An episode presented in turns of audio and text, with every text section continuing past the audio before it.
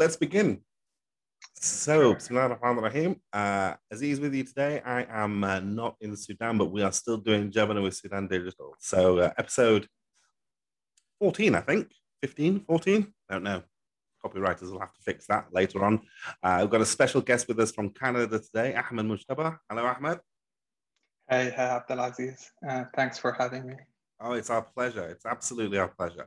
So, uh, firstly, cheers with the Jabana. Yeah, cheers with the Jabana. yeah.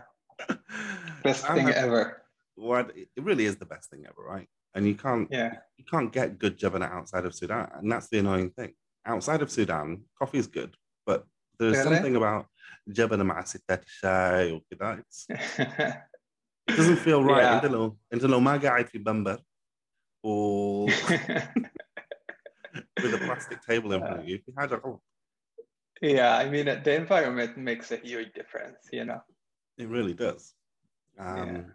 So you can't go to a Starbucks and expect to have the same experience as Jabana Man, yeah, I hate Starbucks. I don't know how people drink Starbucks coffee. It's, it's bitter and I don't know. Like, I don't like it. Yeah, it's not good coffee. Yeah. It's great marketing. Yeah, yeah exactly. That's true. فاحمد احكي لنا عنك شويه tell us about yourself and uh, and what you're doing. Okay, cool. Um, so I did went to uh, University of Khartoum, خلصت uh, mining University of Khartoum. And then after that, I did work for myself for a little bit, uh, worked in Sudan for two years, doing my own thing too.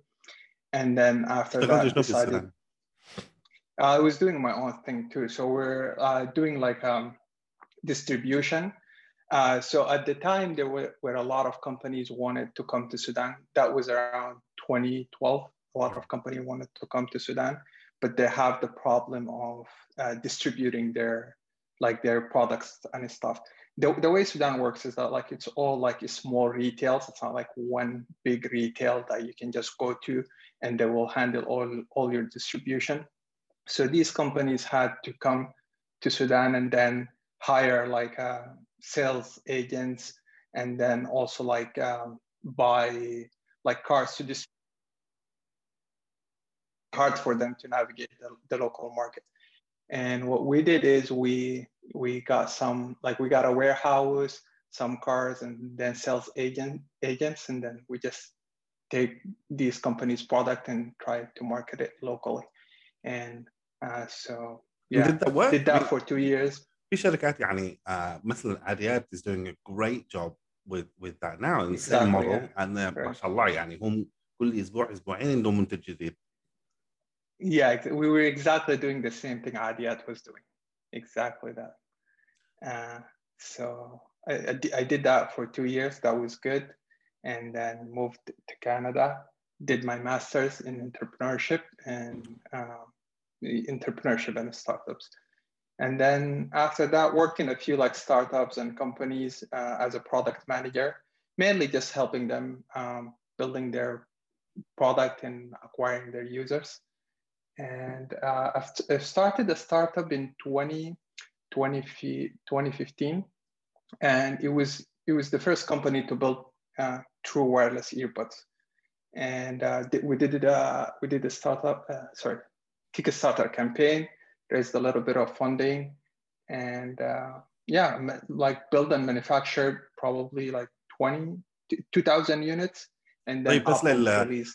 للناس اللي ما فاهمين what a Kickstarter campaign is فهمهم الكيك يعني we know what that is but أيوة. what is that market so a Kickstarter campaign is just a way to raise to validate your idea to raise a little bit of money and uh, it's kind of like it's a uh, it's a crowdfunding campaign for startups, uh, a platform that allows you to just raise funding, right? So you would you would like tell tell the people about like you make a video, like you create a campaign, tell people about your ideas, and then the people who like it they back you, right?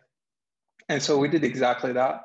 First, we built a prototype, and then um, launched a Kickstarter campaign and we were raised around, uh, I believe at the time it was around 120K.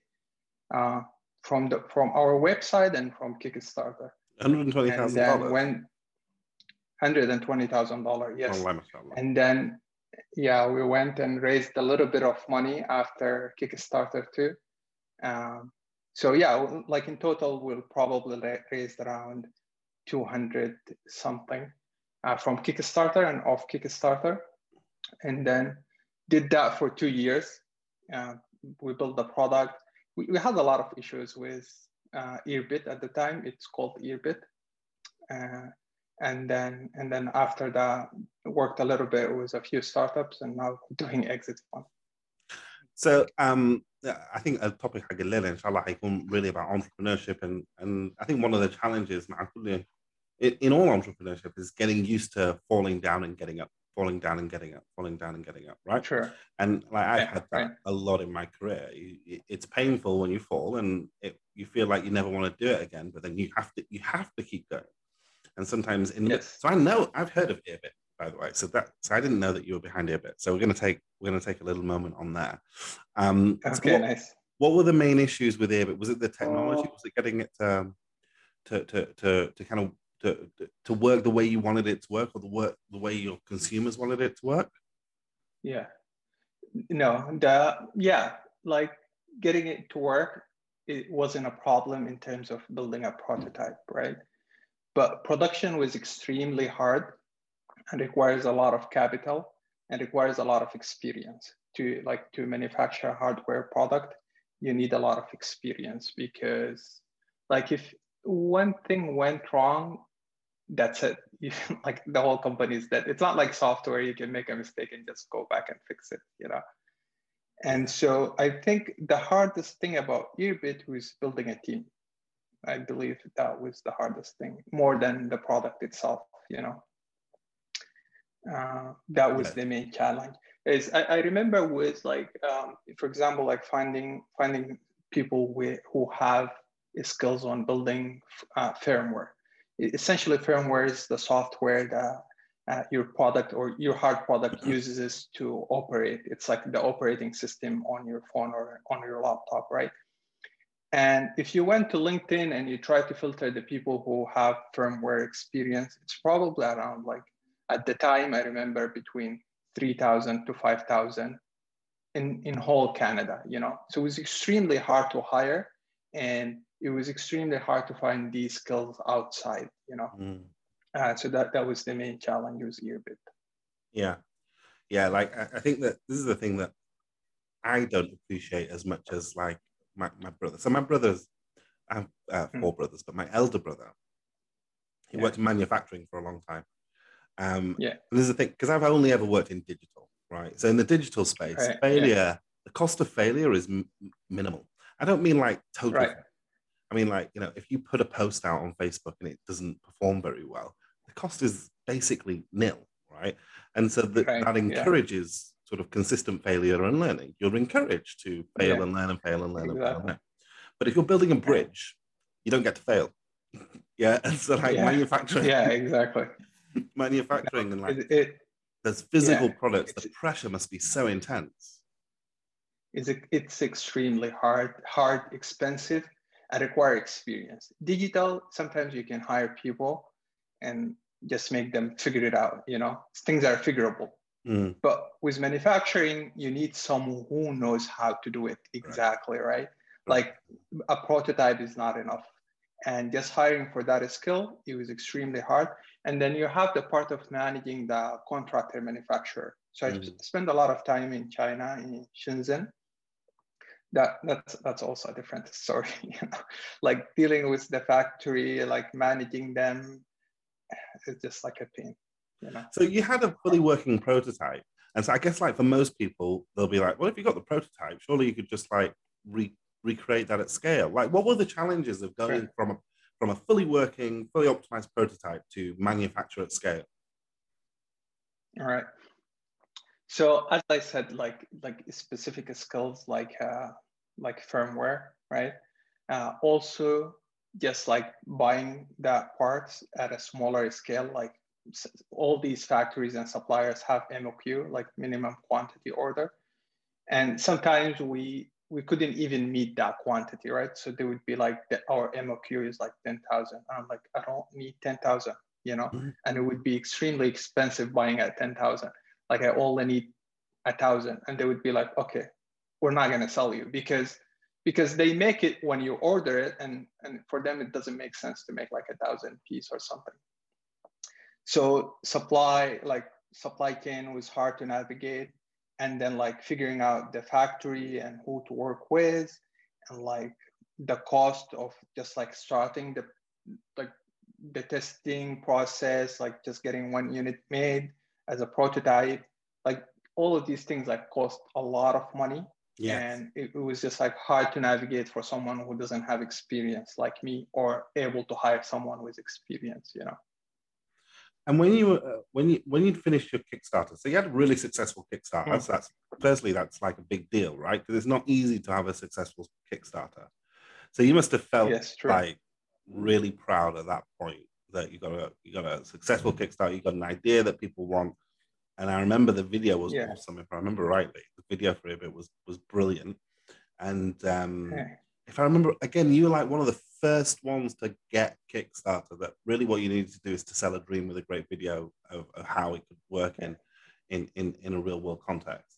And so once you once yeah. you've done that, and then that obviously that always encourages other investors, right? So if, if an investor sees yeah. that there's a market opportunity, you get other investment coming in. So you got all of this investment coming in, but did your external yeah. investors not?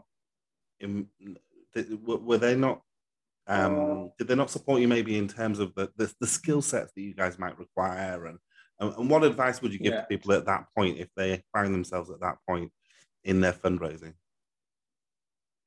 So for us, fundraising was going very well until Apple mm. launched AirPods, you know, then everything kind of stops because everyone was like, what are you going to do with Apple? And mm-hmm. to be honest, when we saw the Apple product, we're like, there's no way we're going to compete you know like they make it a way better product than us we're not going to be able to make the same thing and they have the scale the distribution like everything and so that was challenging uh, after apple launched their product. And then in terms of experience most of the, the people who gave us money were accelerators. So mm. they were very hands off you know uh, and they didn't have like they're also like it, it's hard for them to find someone with these like it, like skills to help you out you know and uh, um, for, for us like it's mainly like even one time like we would meet people like mentors and stuff for like a few hours but it wasn't helpful because because we needed someone who can come in and get their hand dirty and like do the actual work. So that was not like beneficial for us at all. Uh, i remember we had a lot of talks with amazon alexa team and they were willing to help at the end of the day, just things didn't go well. But mm. if that that went well, we will probably be able to like do really well. But Scale. that didn't yeah. go through. Yeah. That's that's the nature of business, man. Sometimes you're just one conversation away from yeah blowing up and being huge, and you never know when that conversation is going to come, right? Yeah. Exactly. So how did you how did you personally like you're doing great now with Exit Fund, and we'll come on to Exit Fund, but how, how did you um how did you navigate personally through that time? That must have been a difficult time emotionally. It was extremely difficult time um, because you have a lot of people that supported you, you know, and a lot of people obviously bought the earbuds and they wanted it. And we did manufacture the product, but we couldn't distribute the product because we like we had an issue that the product wasn't safe enough to give it to people right? Like these earpiece pieces, you, you're sometimes using them all day long, you know? Uh, so there, was, there wasn't safe. And so we lost a lot of money. And then at the end of the day, uh, it, it, like it's hard kind of to reflect back and figure out like navigate the emotion uh, during that time but it just definitely was really difficult time and so the decision was okay we'll like refund partially refund the people who backed us at Kickstarter. And so we did that and we explained like what are the issues that when like what, what, are, what were the challenges and why we were not able to pull it off. And people were understanding. Um, so yeah. Yeah, of course. Because like I don't know what the percentages of Kickstarters that do end up getting through to a manufacturer, but it's not particularly high. And people know when yeah. they invest. You know, I know whenever I invest in a Kickstarter, I know, I know I've got a 50 yeah. 50 chance here of getting this product or not. And that's that's yeah. the nature of it, right? It's getting in really early on something that could be amazing or could be a total flop. That's the nature of business and high tech business in particular. Yeah, exactly. And to your point earlier, earlier uh, at the time, we didn't feel like the Kickstarter campaign was successful, right? Because internally, our goal was to raise three hundred thousand dollars, mm. right? And we felt like that that was the minimum to help us get more funding, and then at the end of the day, help us get to manufacturing because we needed a lot of money to start manufacturing. And um, but naively we decided to like just leave it like low like the target that we want to reach. And then when we reach that goal we kind of like debated should we return the money or should we try to raise more money maybe that like that kickstarter will be like a validation for the idea that people actually want the product and we can go ahead and raise money and so we decided to give it a chance and not retain the money and actually take this and try to raise more funding. Mm-hmm. And so we did that, but then the Apple product came and like just made uh, like fundraising impossible. Yeah, of course. Good old Apple yeah. destroying markets left, right, and center. Well done. Yeah. those bloody product designers, they're so good. And they are so good. And those products, yeah. I mean, AirPods are just in, I mean, I remember when I bought my first pair of AirPods last year and um, yeah, and when I got, you know, like I've always got this thing because we're from similar backgrounds, right? So I'm from a product background. I yeah. spent a lot of time in product management, and I've got this thing in my yeah. mind where like you only ever get to see something for the first time once. Mm. Like you only ever get mm. that moment is sacred, right? The first time you experience right. it, you don't get that back. So I'm yeah. always really, really yeah. conscious when I'm doing that. So I remember the first time using um, AirPods, and it was just the perfect experience. It was the perfect exactly. product experience from everything from opening yeah. it in the box to, to connecting to the phone to switching between phone and laptop. Everything was perfect. And I just thought, yeah, it's magical. Like Apple, Apple it is like, magic. They know how to do these things, you know. It is because magical. like we had the same we had the same experience when Apple AirPods came down. It came out. Like we went and grabbed it, grabbed it, and like people have this misperception that apple's product are like expensive you know but me trying to like build these earbuds like mm. i know like you're you're really getting good deal for how much apple is charging sure. you know? Sure. Because apple have the like economy of scale so they can buy like millions of parts for cheap.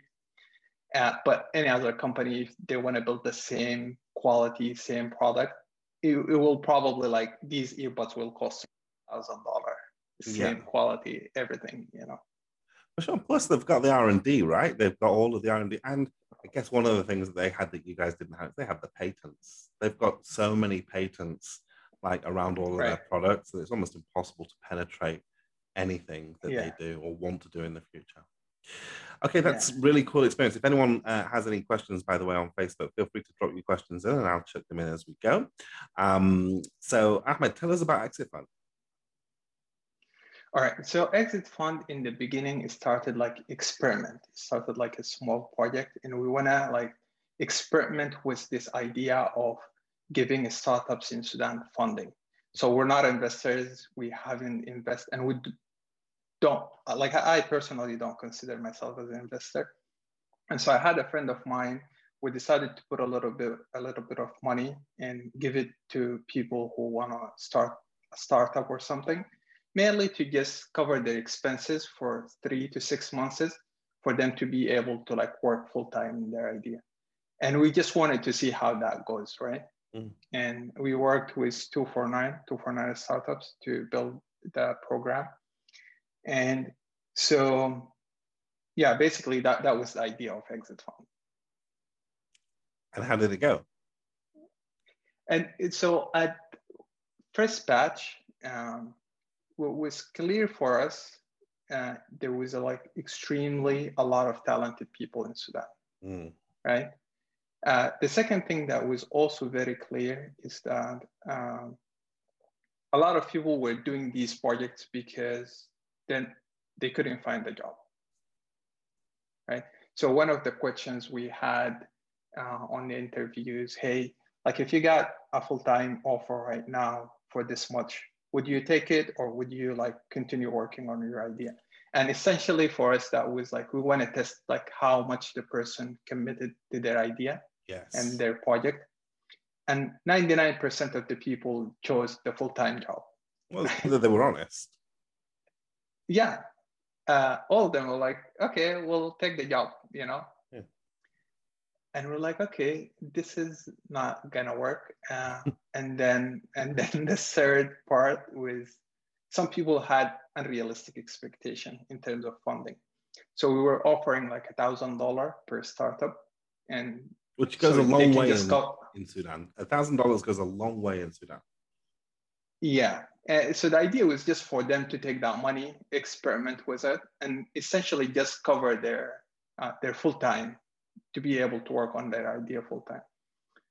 Uh, some people had unrealistic expectations. So some, like someone would, who didn't have a product, no customers, nothing would say like, I want 50,000, right? Mm-hmm. And I'm like, that doesn't make sense. Yes. you know, you don't have anything like that's not. And so essentially what happened is we decided to like change the program a little bit and make it uh, entrepreneur in resident, right? And so we will like bring these people and give them a salary of a full-time job because this is essentially what they what they're needed at the time, and then just let them work on their idea full-time and their exit fund. So we called it like entrepreneur and resident. And so we had we had a few people like that, but it was also did not work well because people um, I guess they didn't have the entrepreneurship experience, you know, to just like lead their ideas by themselves. Uh, and and then from there, um, the, the idea again changes, like a, a lot of iteration, like we learned what, what people want wanted it and stuff. Uh, but then uh, for me personally, what was very clear is a lot of talent in Sudan and I can hire people in Sudan and work on ideas, you know, like there is a good software engineers, there were good like, um, like in any type of skills that you're looking for, you probably find someone who can do it really well. And then I'm like, okay, cool, we'll figure out. We just start hiring a lot of people and we start thinking about like, okay, what ideas that we can work on and so forth. Yeah.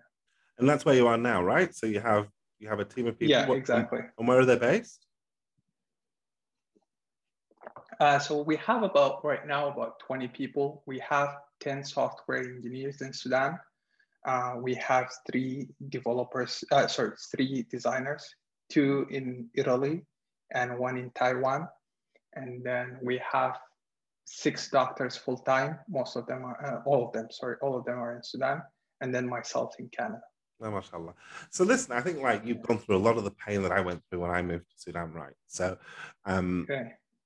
yeah, like, uh, so I came to Sudan. When I came to Sudan, I came to Sudan with very similar ambitions, right? Uh, opening up youth opportunities, trying to make a difference, oh. giving people. And there is the, the, the, there are so many gaps within Sudan that that but, but that people don't necessarily recognize. So one of those gaps, I think the biggest gap, the biggest gaping hole that exists for for the entrepreneurial environment is the gap between industry and, and education. Um, you know, right. what, what what we find is that we've got so Sudan Digital, you know a little bit about Sudan Digital, right? Our digital mm. marketing agency, and most of our clients are actually yeah. outside of Sudan and etc. Um, right. and, and, what we find, we hire exclusively um, graduates. And what we find is that we've mm, got some great. incredibly smart graduates, like really smart, yeah, book smart, yeah. But then getting right. them to apply that knowledge into like a real world context just it, it is yeah. a non-starter. And so, like you know, everyone yeah. who joins us, they join and they have to go through like this three months training. And for the majority of that three months, all they're actually being taught yeah. how to do is how to apply the knowledge they already have. That's it, just to apply that knowledge into a real world context. And so, I think that's probably the first thing. The second that you yeah. that you came across, I think the second thing is um, without entrepreneurial experience. Firstly, in any environment, without entrepreneurial experience, it's very difficult to be able to judge the size of an opportunity uh, and how an opportunity right. may or may not evolve. Then, if you chuck into that Sudan factor, yeah, where mm. you know inflation and competition and all of that stuff and random random right. changes of laws, it becomes almost yeah.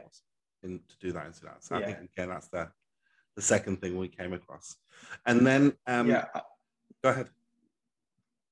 No, no, I was just gonna say exactly what you said. There's a lot of smart, especially fresh graduate, and, and that's where like most of like 90% of my hire are like new grad, and even I have some students, and and these are like incredible talent, you know, like sure. in par uh, that matches anyone in North America, right? Uh, Say that again. Then, that's really said, important like, for people. Listen, I say that all the time, and people don't believe me, right? They think it's just Hannah, right? So it's really good for me no. to hear that from someone else. So say that again, so that people really understand. Yeah, they're extremely up to date. Like, like I was, like I worked a lot of in, in North America, right? And uh, I did hired in North America as well. In my last job, I was also hiring. I, I was a product manager, and I did hire um, software engineers.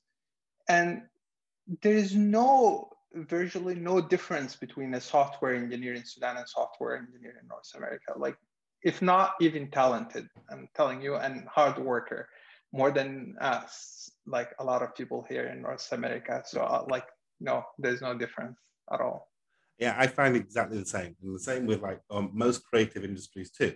What I actually find is that yeah. if anything, um, people in Sudan, yeah. graduates in Sudan, they have an extra bit of edge. They've had to yeah sort of fork they were their way through the technology in, in a way that other yeah. others haven't been able to. So they've got a bit more of an edge.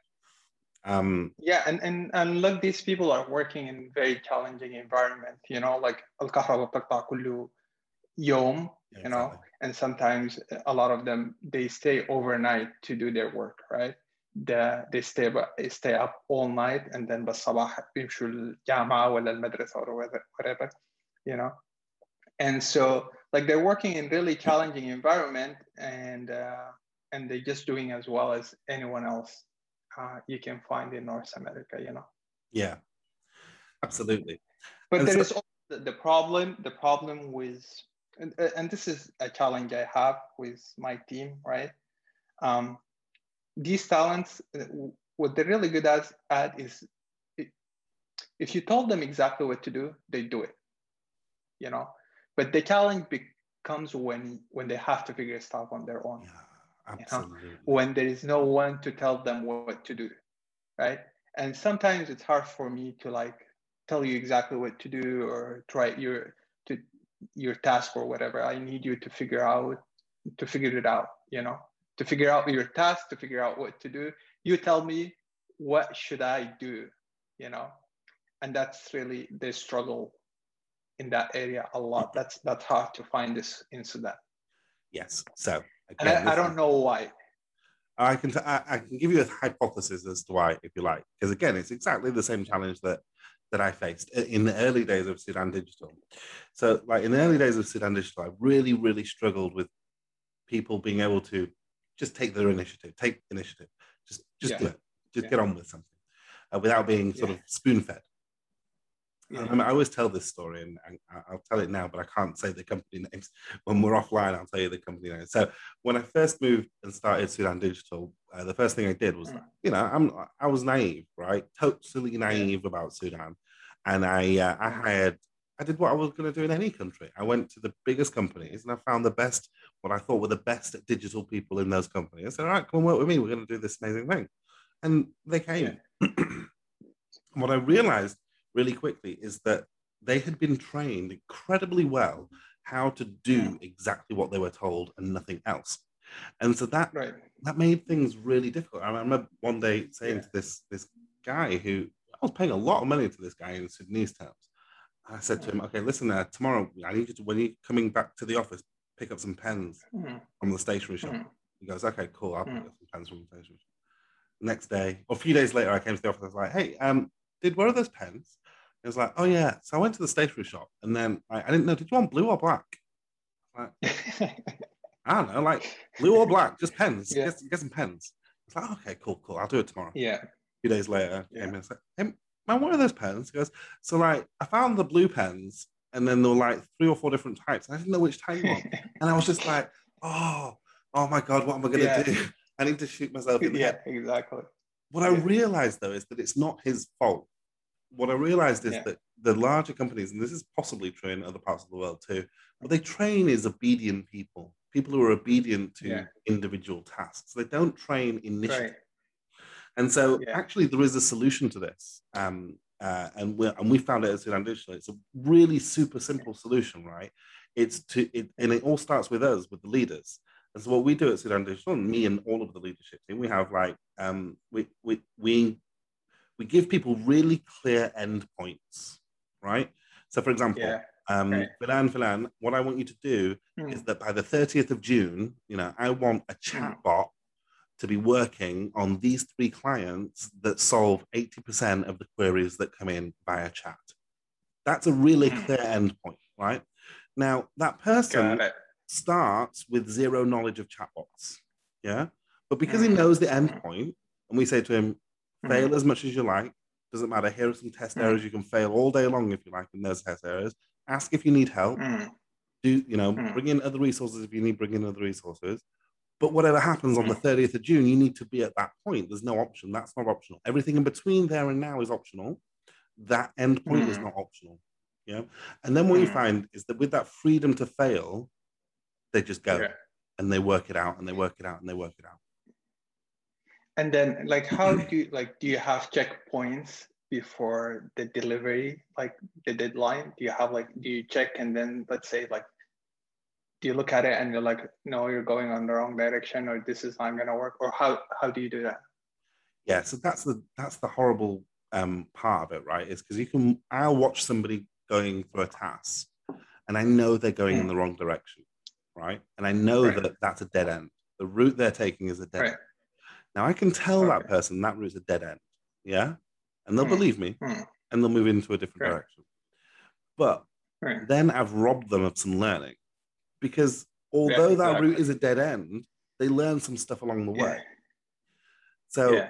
I check in like the whole team. It's not just me. It's like the whole management team who do this, right? But what they do is they check in regularly, and there are regular weekly touch points and check-in points to make sure everybody is sort of going in the right direction. But generally speaking, we Yeah. try not to move people off the direction they're going, even if it's the wrong direction. Yeah, unless they're spending mm. too long on it, then we then we give them a little Yeah. nudge. But we allow them to Yeah. To take the learning of failure, to take that learning on and move on to the next step. Yeah. So that's Right. that, that's how we try that's how we manage it. And I have to be honest, by having that approach, like Yeah. we've often we've come out with solutions that weren't even in my mind. that weren't I wasn't Interesting. I wasn't thinking like, okay, so that's a really obvious one because it's a chatbot at the end of, on, on, on a messenger. Yeah. But like many times I'll, I'll say to one of the um, social media managers, you know, uh, for example, all right, for this client, what we really need to do is we need to attract, you know, uh, pediatricians who are in the market for this kind of a product. And I'll have in my mind Yeah. a campaign or two campaigns of what I think will come out. Yeah. And what comes out at the other end are infinitely better than the things that were in my mind. Much, much better. That's so interesting. That's so interesting. Cause cause like sometimes I feel like um because maybe I'll be like very like let's say like we're working on a project, you know, like I would be like very particular about the things that needs to get done, right? Like like minor things, like no, like change this icon, like make it looks like that, or this is not gonna work here. And then I noticed like people are not able to make decision on their own without getting back to me and like asking me about the little things like oh should i add this or should not you know? And then i'm like okay like every decision has to come through me. That's not going to be sustainable.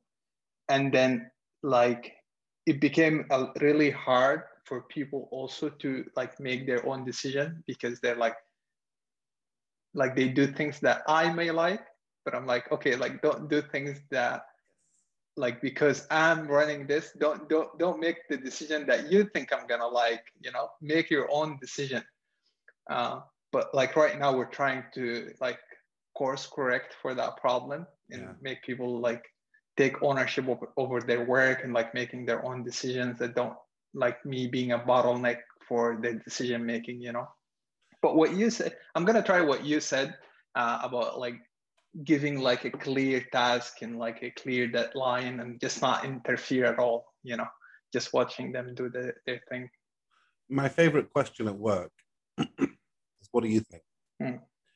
Hmm. Right. So new starters, particularly new starters, when they join Yeah. and they're, they're given a task uh, throughout the training, they'll, they'll very often, sometimes three, four, five times a day, come and Hmm. say, okay, uh, I want to do this. Like, I want to change my Right. whatever Instagram profile to this. And Yeah. my automatic response is, cool, what do you think? And they're asking me for my permission, but essentially what I do is I throw it back at them. I say, what do you think? And Okay. regardless of what they say, I say, okay, cool, do that. And then like let it let it run. Even if I think it's wrong, I let them do the thing that they want to do. Right? What do you think? Just do it that way. Oh, Because the micro impacts, like the, if you add up Yeah. all of the the bad small decisions, yeah, they Right. don't count. Right. They don't they don't sum up to one big bad decision. They just don't. Like in anything that we Hmm. do, yeah. Now, Right. like as long as the end is still really clear and everyone knows what the end looks like, small decisions along the way. Listen, listen, man. I'm a I'm a Yeah. megalomaniac. and also these That these like- small uh, small small decision are two two way decision. Like you can easily reverse it if it doesn't work at the end Right. of the day. You can just go back and change it. You know. And a lot of them are opinion based, right? It's like, actually, what's your opinion? Do you like purple or Yeah. red? And it's like, oh, actually, what do you think? Just leave it at that, and let them let them let them go. Yeah, that's interesting, but I feel like that's hard to do. Like I don't know how you Yeah, do it. It Like, is really to be like, I, I think this is wrong, but go ahead and do it anyways. Yeah, that's interesting. I give, I guess that's how you give people ownership, right? And So I guess make this- them learn. there's two elements to it. There's three elements. The 1st Mm. element is that, like, I'm a megalomaniac. I want control over everything. Mm. So, like, is Yeah, a personal challenge. That is like a very personal. I have to work very Yeah. hard on me in my mind right, to, to be able Right. to do that. And so that takes a lot. right. The second thing Yeah. is that um, you've got to do it in a safe environment, right? So that's why we have this three month or six month training because it's a safe environment Mhm. where failure has zero consequence. They're not working on client Right. accounts. We don't allow them to fail on Mhm. client accounts. What we allow them to do is to fail Mm, in a safe space, yeah, um, or, Right. or on our own projects, our own stuff. Like you know, jumping in with Sudan Digital Right. is just as a result of you know us trying to do stuff, and that's okay. It's our media; it doesn't affect anybody and so allowing Mm. allowing that space is really important. But then the, the final thing is that like you got to have you got to you got to get people into a, state where they're constantly reviewing themselves because the moment you get somebody to be, be their biggest critic everything becomes so much Right. easier right so getting employees to be their own biggest critic that's the, that's actually what would the yeah, whole point of the training is that month Yeah. four they should be criticizing themselves way more than a client could ever imagine. And that's what we find Yeah. now is that like we'll sit down me me and me and the management team at the end of the month we'll sit down and look at the reports and we'll be like yeah we could have done better here we could have done better there. And then our clients yeah, come back to us and say yeah god you guys are doing an amazing job. But we're more critical of ourselves than our clients could be of us. Does that make sense? Right. and that starts Yeah, in that three month training sense. period you know getting people to be critical of themselves not waiting for feedback from their boss or their manager or the client Yeah. We did also try this thing. We call it like a, a note hour, note hour. Uh, and then the idea was to like just no one does any work. Like no one is sitting in their laptop doing any work. People just sitting there thinking, how can I like do my job better? You know, like how can I make the things that I'm working on better? And then writing these notes, you know, like we call it like our note. And then in the beginning we're like we we said like we're gonna do this every day. We're just gonna make people to sit down for an hour not doing anything reflecting on their day like what they did and then how they can do it better. And we want to record all their ideas right but just like it was a, a, little bit hard for people to come up with new ideas every day on how they can improve their work. Uh, but it was just like a good exercise for people to like take a moment uh, step back look at what they do and then figure out how they can do it better. I like it. and a lot of good ideas came out of that you know? what was it called sorry? What's i just call it note hour. Note hour. N-o-t-e yeah you just yeah I'm going to rebrand it, but that's a really good idea. I think we're going to try that. I like that idea. Maybe so we do so, like every Sunday is training at Sudan Digital. So right.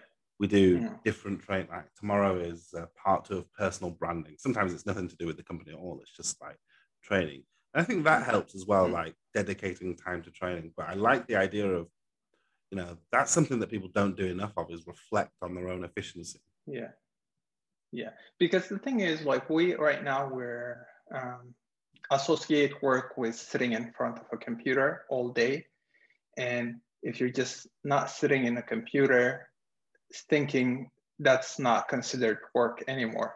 Yes. But we wanted to like make it okay to just sit there and think about your work, and you can consider that work. You know, like thinking is work. You can just think and come up with new ideas uh, like just reflect on how you did things and like maybe plan for the future. And I think a lot of good ideas came out of that. It reminds me of that story of Michelangelo, where um, he was commissioned to do uh, David, the statue, David. And mm. he hmm. had this big boulder, this big granite boulder in front of him for like day after day, he'd just come and he'd sit down and w- just just look at the boulder. That's all he would do. He wouldn't pick up a chisel. He'd just look. And that days yeah. after days, then week after week, then month after month. And then one time, one of these monks came up to him and said, oh, "What are you doing? Like we're paying you to do it. Yeah. Like, what we're paying you to, yeah. to build a statue, and you're just looking at it." He goes, "No, you see me sitting and looking, but I'm actually working. What I'm doing is I'm figuring out every single chisel of every single point before I do anything." And so, yeah, yeah that's exactly what I used to do in my last job. Like people would be coming by in the office and I'm just sitting there not doing anything. And people would be like, What are you doing? And I'm like, I'm working. But yeah. they're like, You're not doing anything. You're not like you're not in front of a computer. You're not like in a right. code editor or something. I'm like, no, I'm thinking, like thinking like it's a lot of work, you know, trying to figure things in my head. Yep, absolutely. So what's the future of Exit Fund? Right. So uh, honestly, I, I don't know. I don't know what's the future of exit fund. We're trying to figure it out, right? Uh, I guess in terms of funding startups, we want to like. So right now, what we want to do is we want to do equity equity crowdfunding for Sudanese startups, right? And um, uh, the laws are not clear in Sudan right now if you can do like equity crowdfunding, but crowdfunding now is legal in North America. So what we want to do is we want to incorporate these small startups in US as a um, corporate C in Delaware, mm. right? And then and then let them raise funding from investors in US, right? Um, Canada still uh, equity crowdfunding is not legal. And so we want to work on with a few startups that are doing really well. You know, we guarantee like a minimum amount of funding. Like let's say right now, uh, if we decided to work with a specific startup, we guarantee that uh, you you you're gonna get minimum, let's say ten thousand dollar, right? But it could go up to like a hundred thousand if you're able to. Uh, that's that's the future. We're not there. Uh, this is just an idea right now and we're working on it with a few companies. Hopefully, Beam would be the first one, our own company, you know, uh, to go through like equity crowdfunding. So it's kind of like Kickstarter, but equity crowdfunding. And it's not just for Sudan, hopefully, like the entire continent, like Africa in general. I think that there is a big, but, but, but, yeah. I think there's a big, uh, there's a big um, uh, desire from the Sudanese diaspora uh, to have some sort of platform like that where they can invest in Sudanese right. youth, literally invest cash money in yeah. Sudanese youth and see some progress. So I think that there's a, that there's a definite play there. Sorry, I interrupted you. Please, Karen. Yeah. Uh, no. like we're a lot of companies that are doing really well, like startups, um, and they need like a, um, like just more funding to to take them to the next step, you know. And usually that's between I would say like 10, 20,000 after their first raise or first seed or whatever. And uh, and and and also it's there is a lot of barrier for them to go and raise let's say from silicon valley or somewhere else like that's extremely hard even for us you know there's just so many barriers and uh, it, the goal for exit fund would be like the person who sits in your cap table you know and would be like one investor so you have like a clean cap table and one investor and then uh, exit fund will manage the rest now this is like extremely like there's a lot of le- legality that you have to figure out. Uh, like it, the whole thing is built on trust. You know, investors needs to trust you, startups needs to trust you. So we're thinking about it very carefully, and we're trying to do it first for our own companies, right? So we're trying to build internal teams that build their own companies and then launch these companies and figure out how they can raise funds. So that's internally first.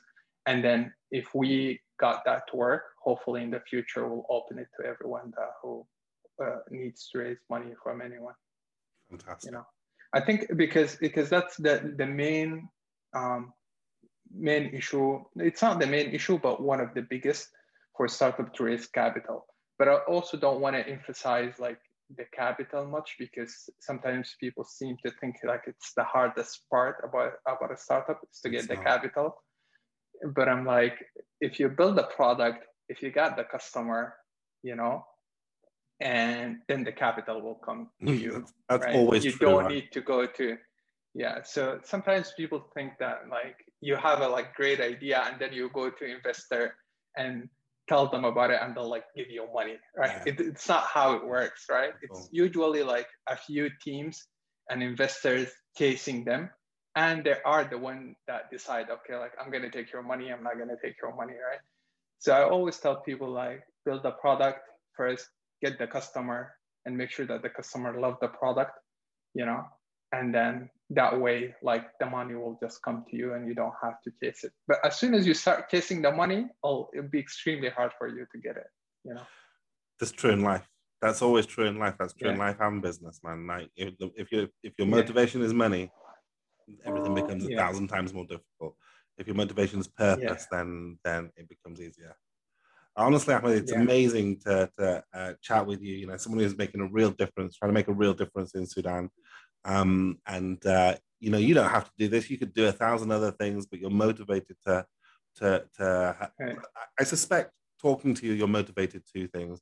You know, you're motivated to help your country, which is a great thing, but also you know, you're like me, you can see that there's huge opportunities in Sudan that people just aren't taking advantage right. of. And I think that that's right. that's important for that's an important message for for this for Sudanese in Sudan and outside of Sudan to recognize is that you know we've got we've got I think my of... like my yeah sure. Sorry. Go ahead. Yeah your motivation. No I, yeah I, I was just saying like my like my personal motivation and like what drives me i just want to build products that people actually use and enjoy. I think i think when you create like when you have a vision for something or you have a vision for like i think this is how things should work and you go ahead and implement that vision and make it reality and then people actually like benefiting from your build i think that's extremely satisfying like way more than the money. I think when I like with Earbit, I was thinking like the, the most difficult thing is money. And then when we raised a little bit of money, I'm like, no, it's not just the money, you know, there is a million things that need to come together for it to work. Because I was telling people around me at the time, hey, listen, like if I just was able to raise the money, everything will come together. I'll build a team, I'll build a product, like everything will come together. But that proved to be not true. And now like uh, the last thing I prioritize is money, like yeah. figure out the team, like especially with Exit Fund and Beam uh, itself is that like, okay, like uh, first I want to figure out the team that who can build this, you know, like I want to have all the skills that I need, everything. And then figure out the product. And, and if I was able to figure out both these things, then like money will come, no doubt about it. Absolutely true. That's absolutely true. Yeah. So, uh, Ahmed, how can people get in touch with you? Um, I think uh, exit fund through like maybe leave my email or something, or my even through my phone number. Um, yeah, WhatsApp or something. Yeah, if you don't mind, if you don't mind, we'll we'll drop the exit fund email address in the in the copy of Sounds the podcast. Good. If anyone wants to get in yeah. touch with with, uh, with Ahmed, please do. And I'm sure the guys at two four nine startups as well, right? You're still working with those guys? Uh not really. Not no, no we're not. Okay, working. so maybe no. maybe the yeah. maybe the email is the best way. And what about are you on LinkedIn? Yeah. Are you on Instagram? Where are you?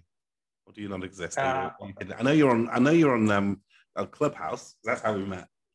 Club, yeah, Clubhouse for sure, and uh, LinkedIn too. Yeah, but not uh, honestly, I don't like LinkedIn. Uh, so email would be the best. Email it is. It's been yeah. a real pleasure talking to you, man. We wish you all the success. Thank you so much, Abdelaziz. Yeah, and I'm sure that we'll collaborate. Uh, our two companies will collaborate in the future. I'm, I'm quite sure of that. Hundred percent, sure thing. Mustafa, thank you so much. Thank you, Abdelaziz. Take care. Thank you for having me. All right. Yalla. Take care.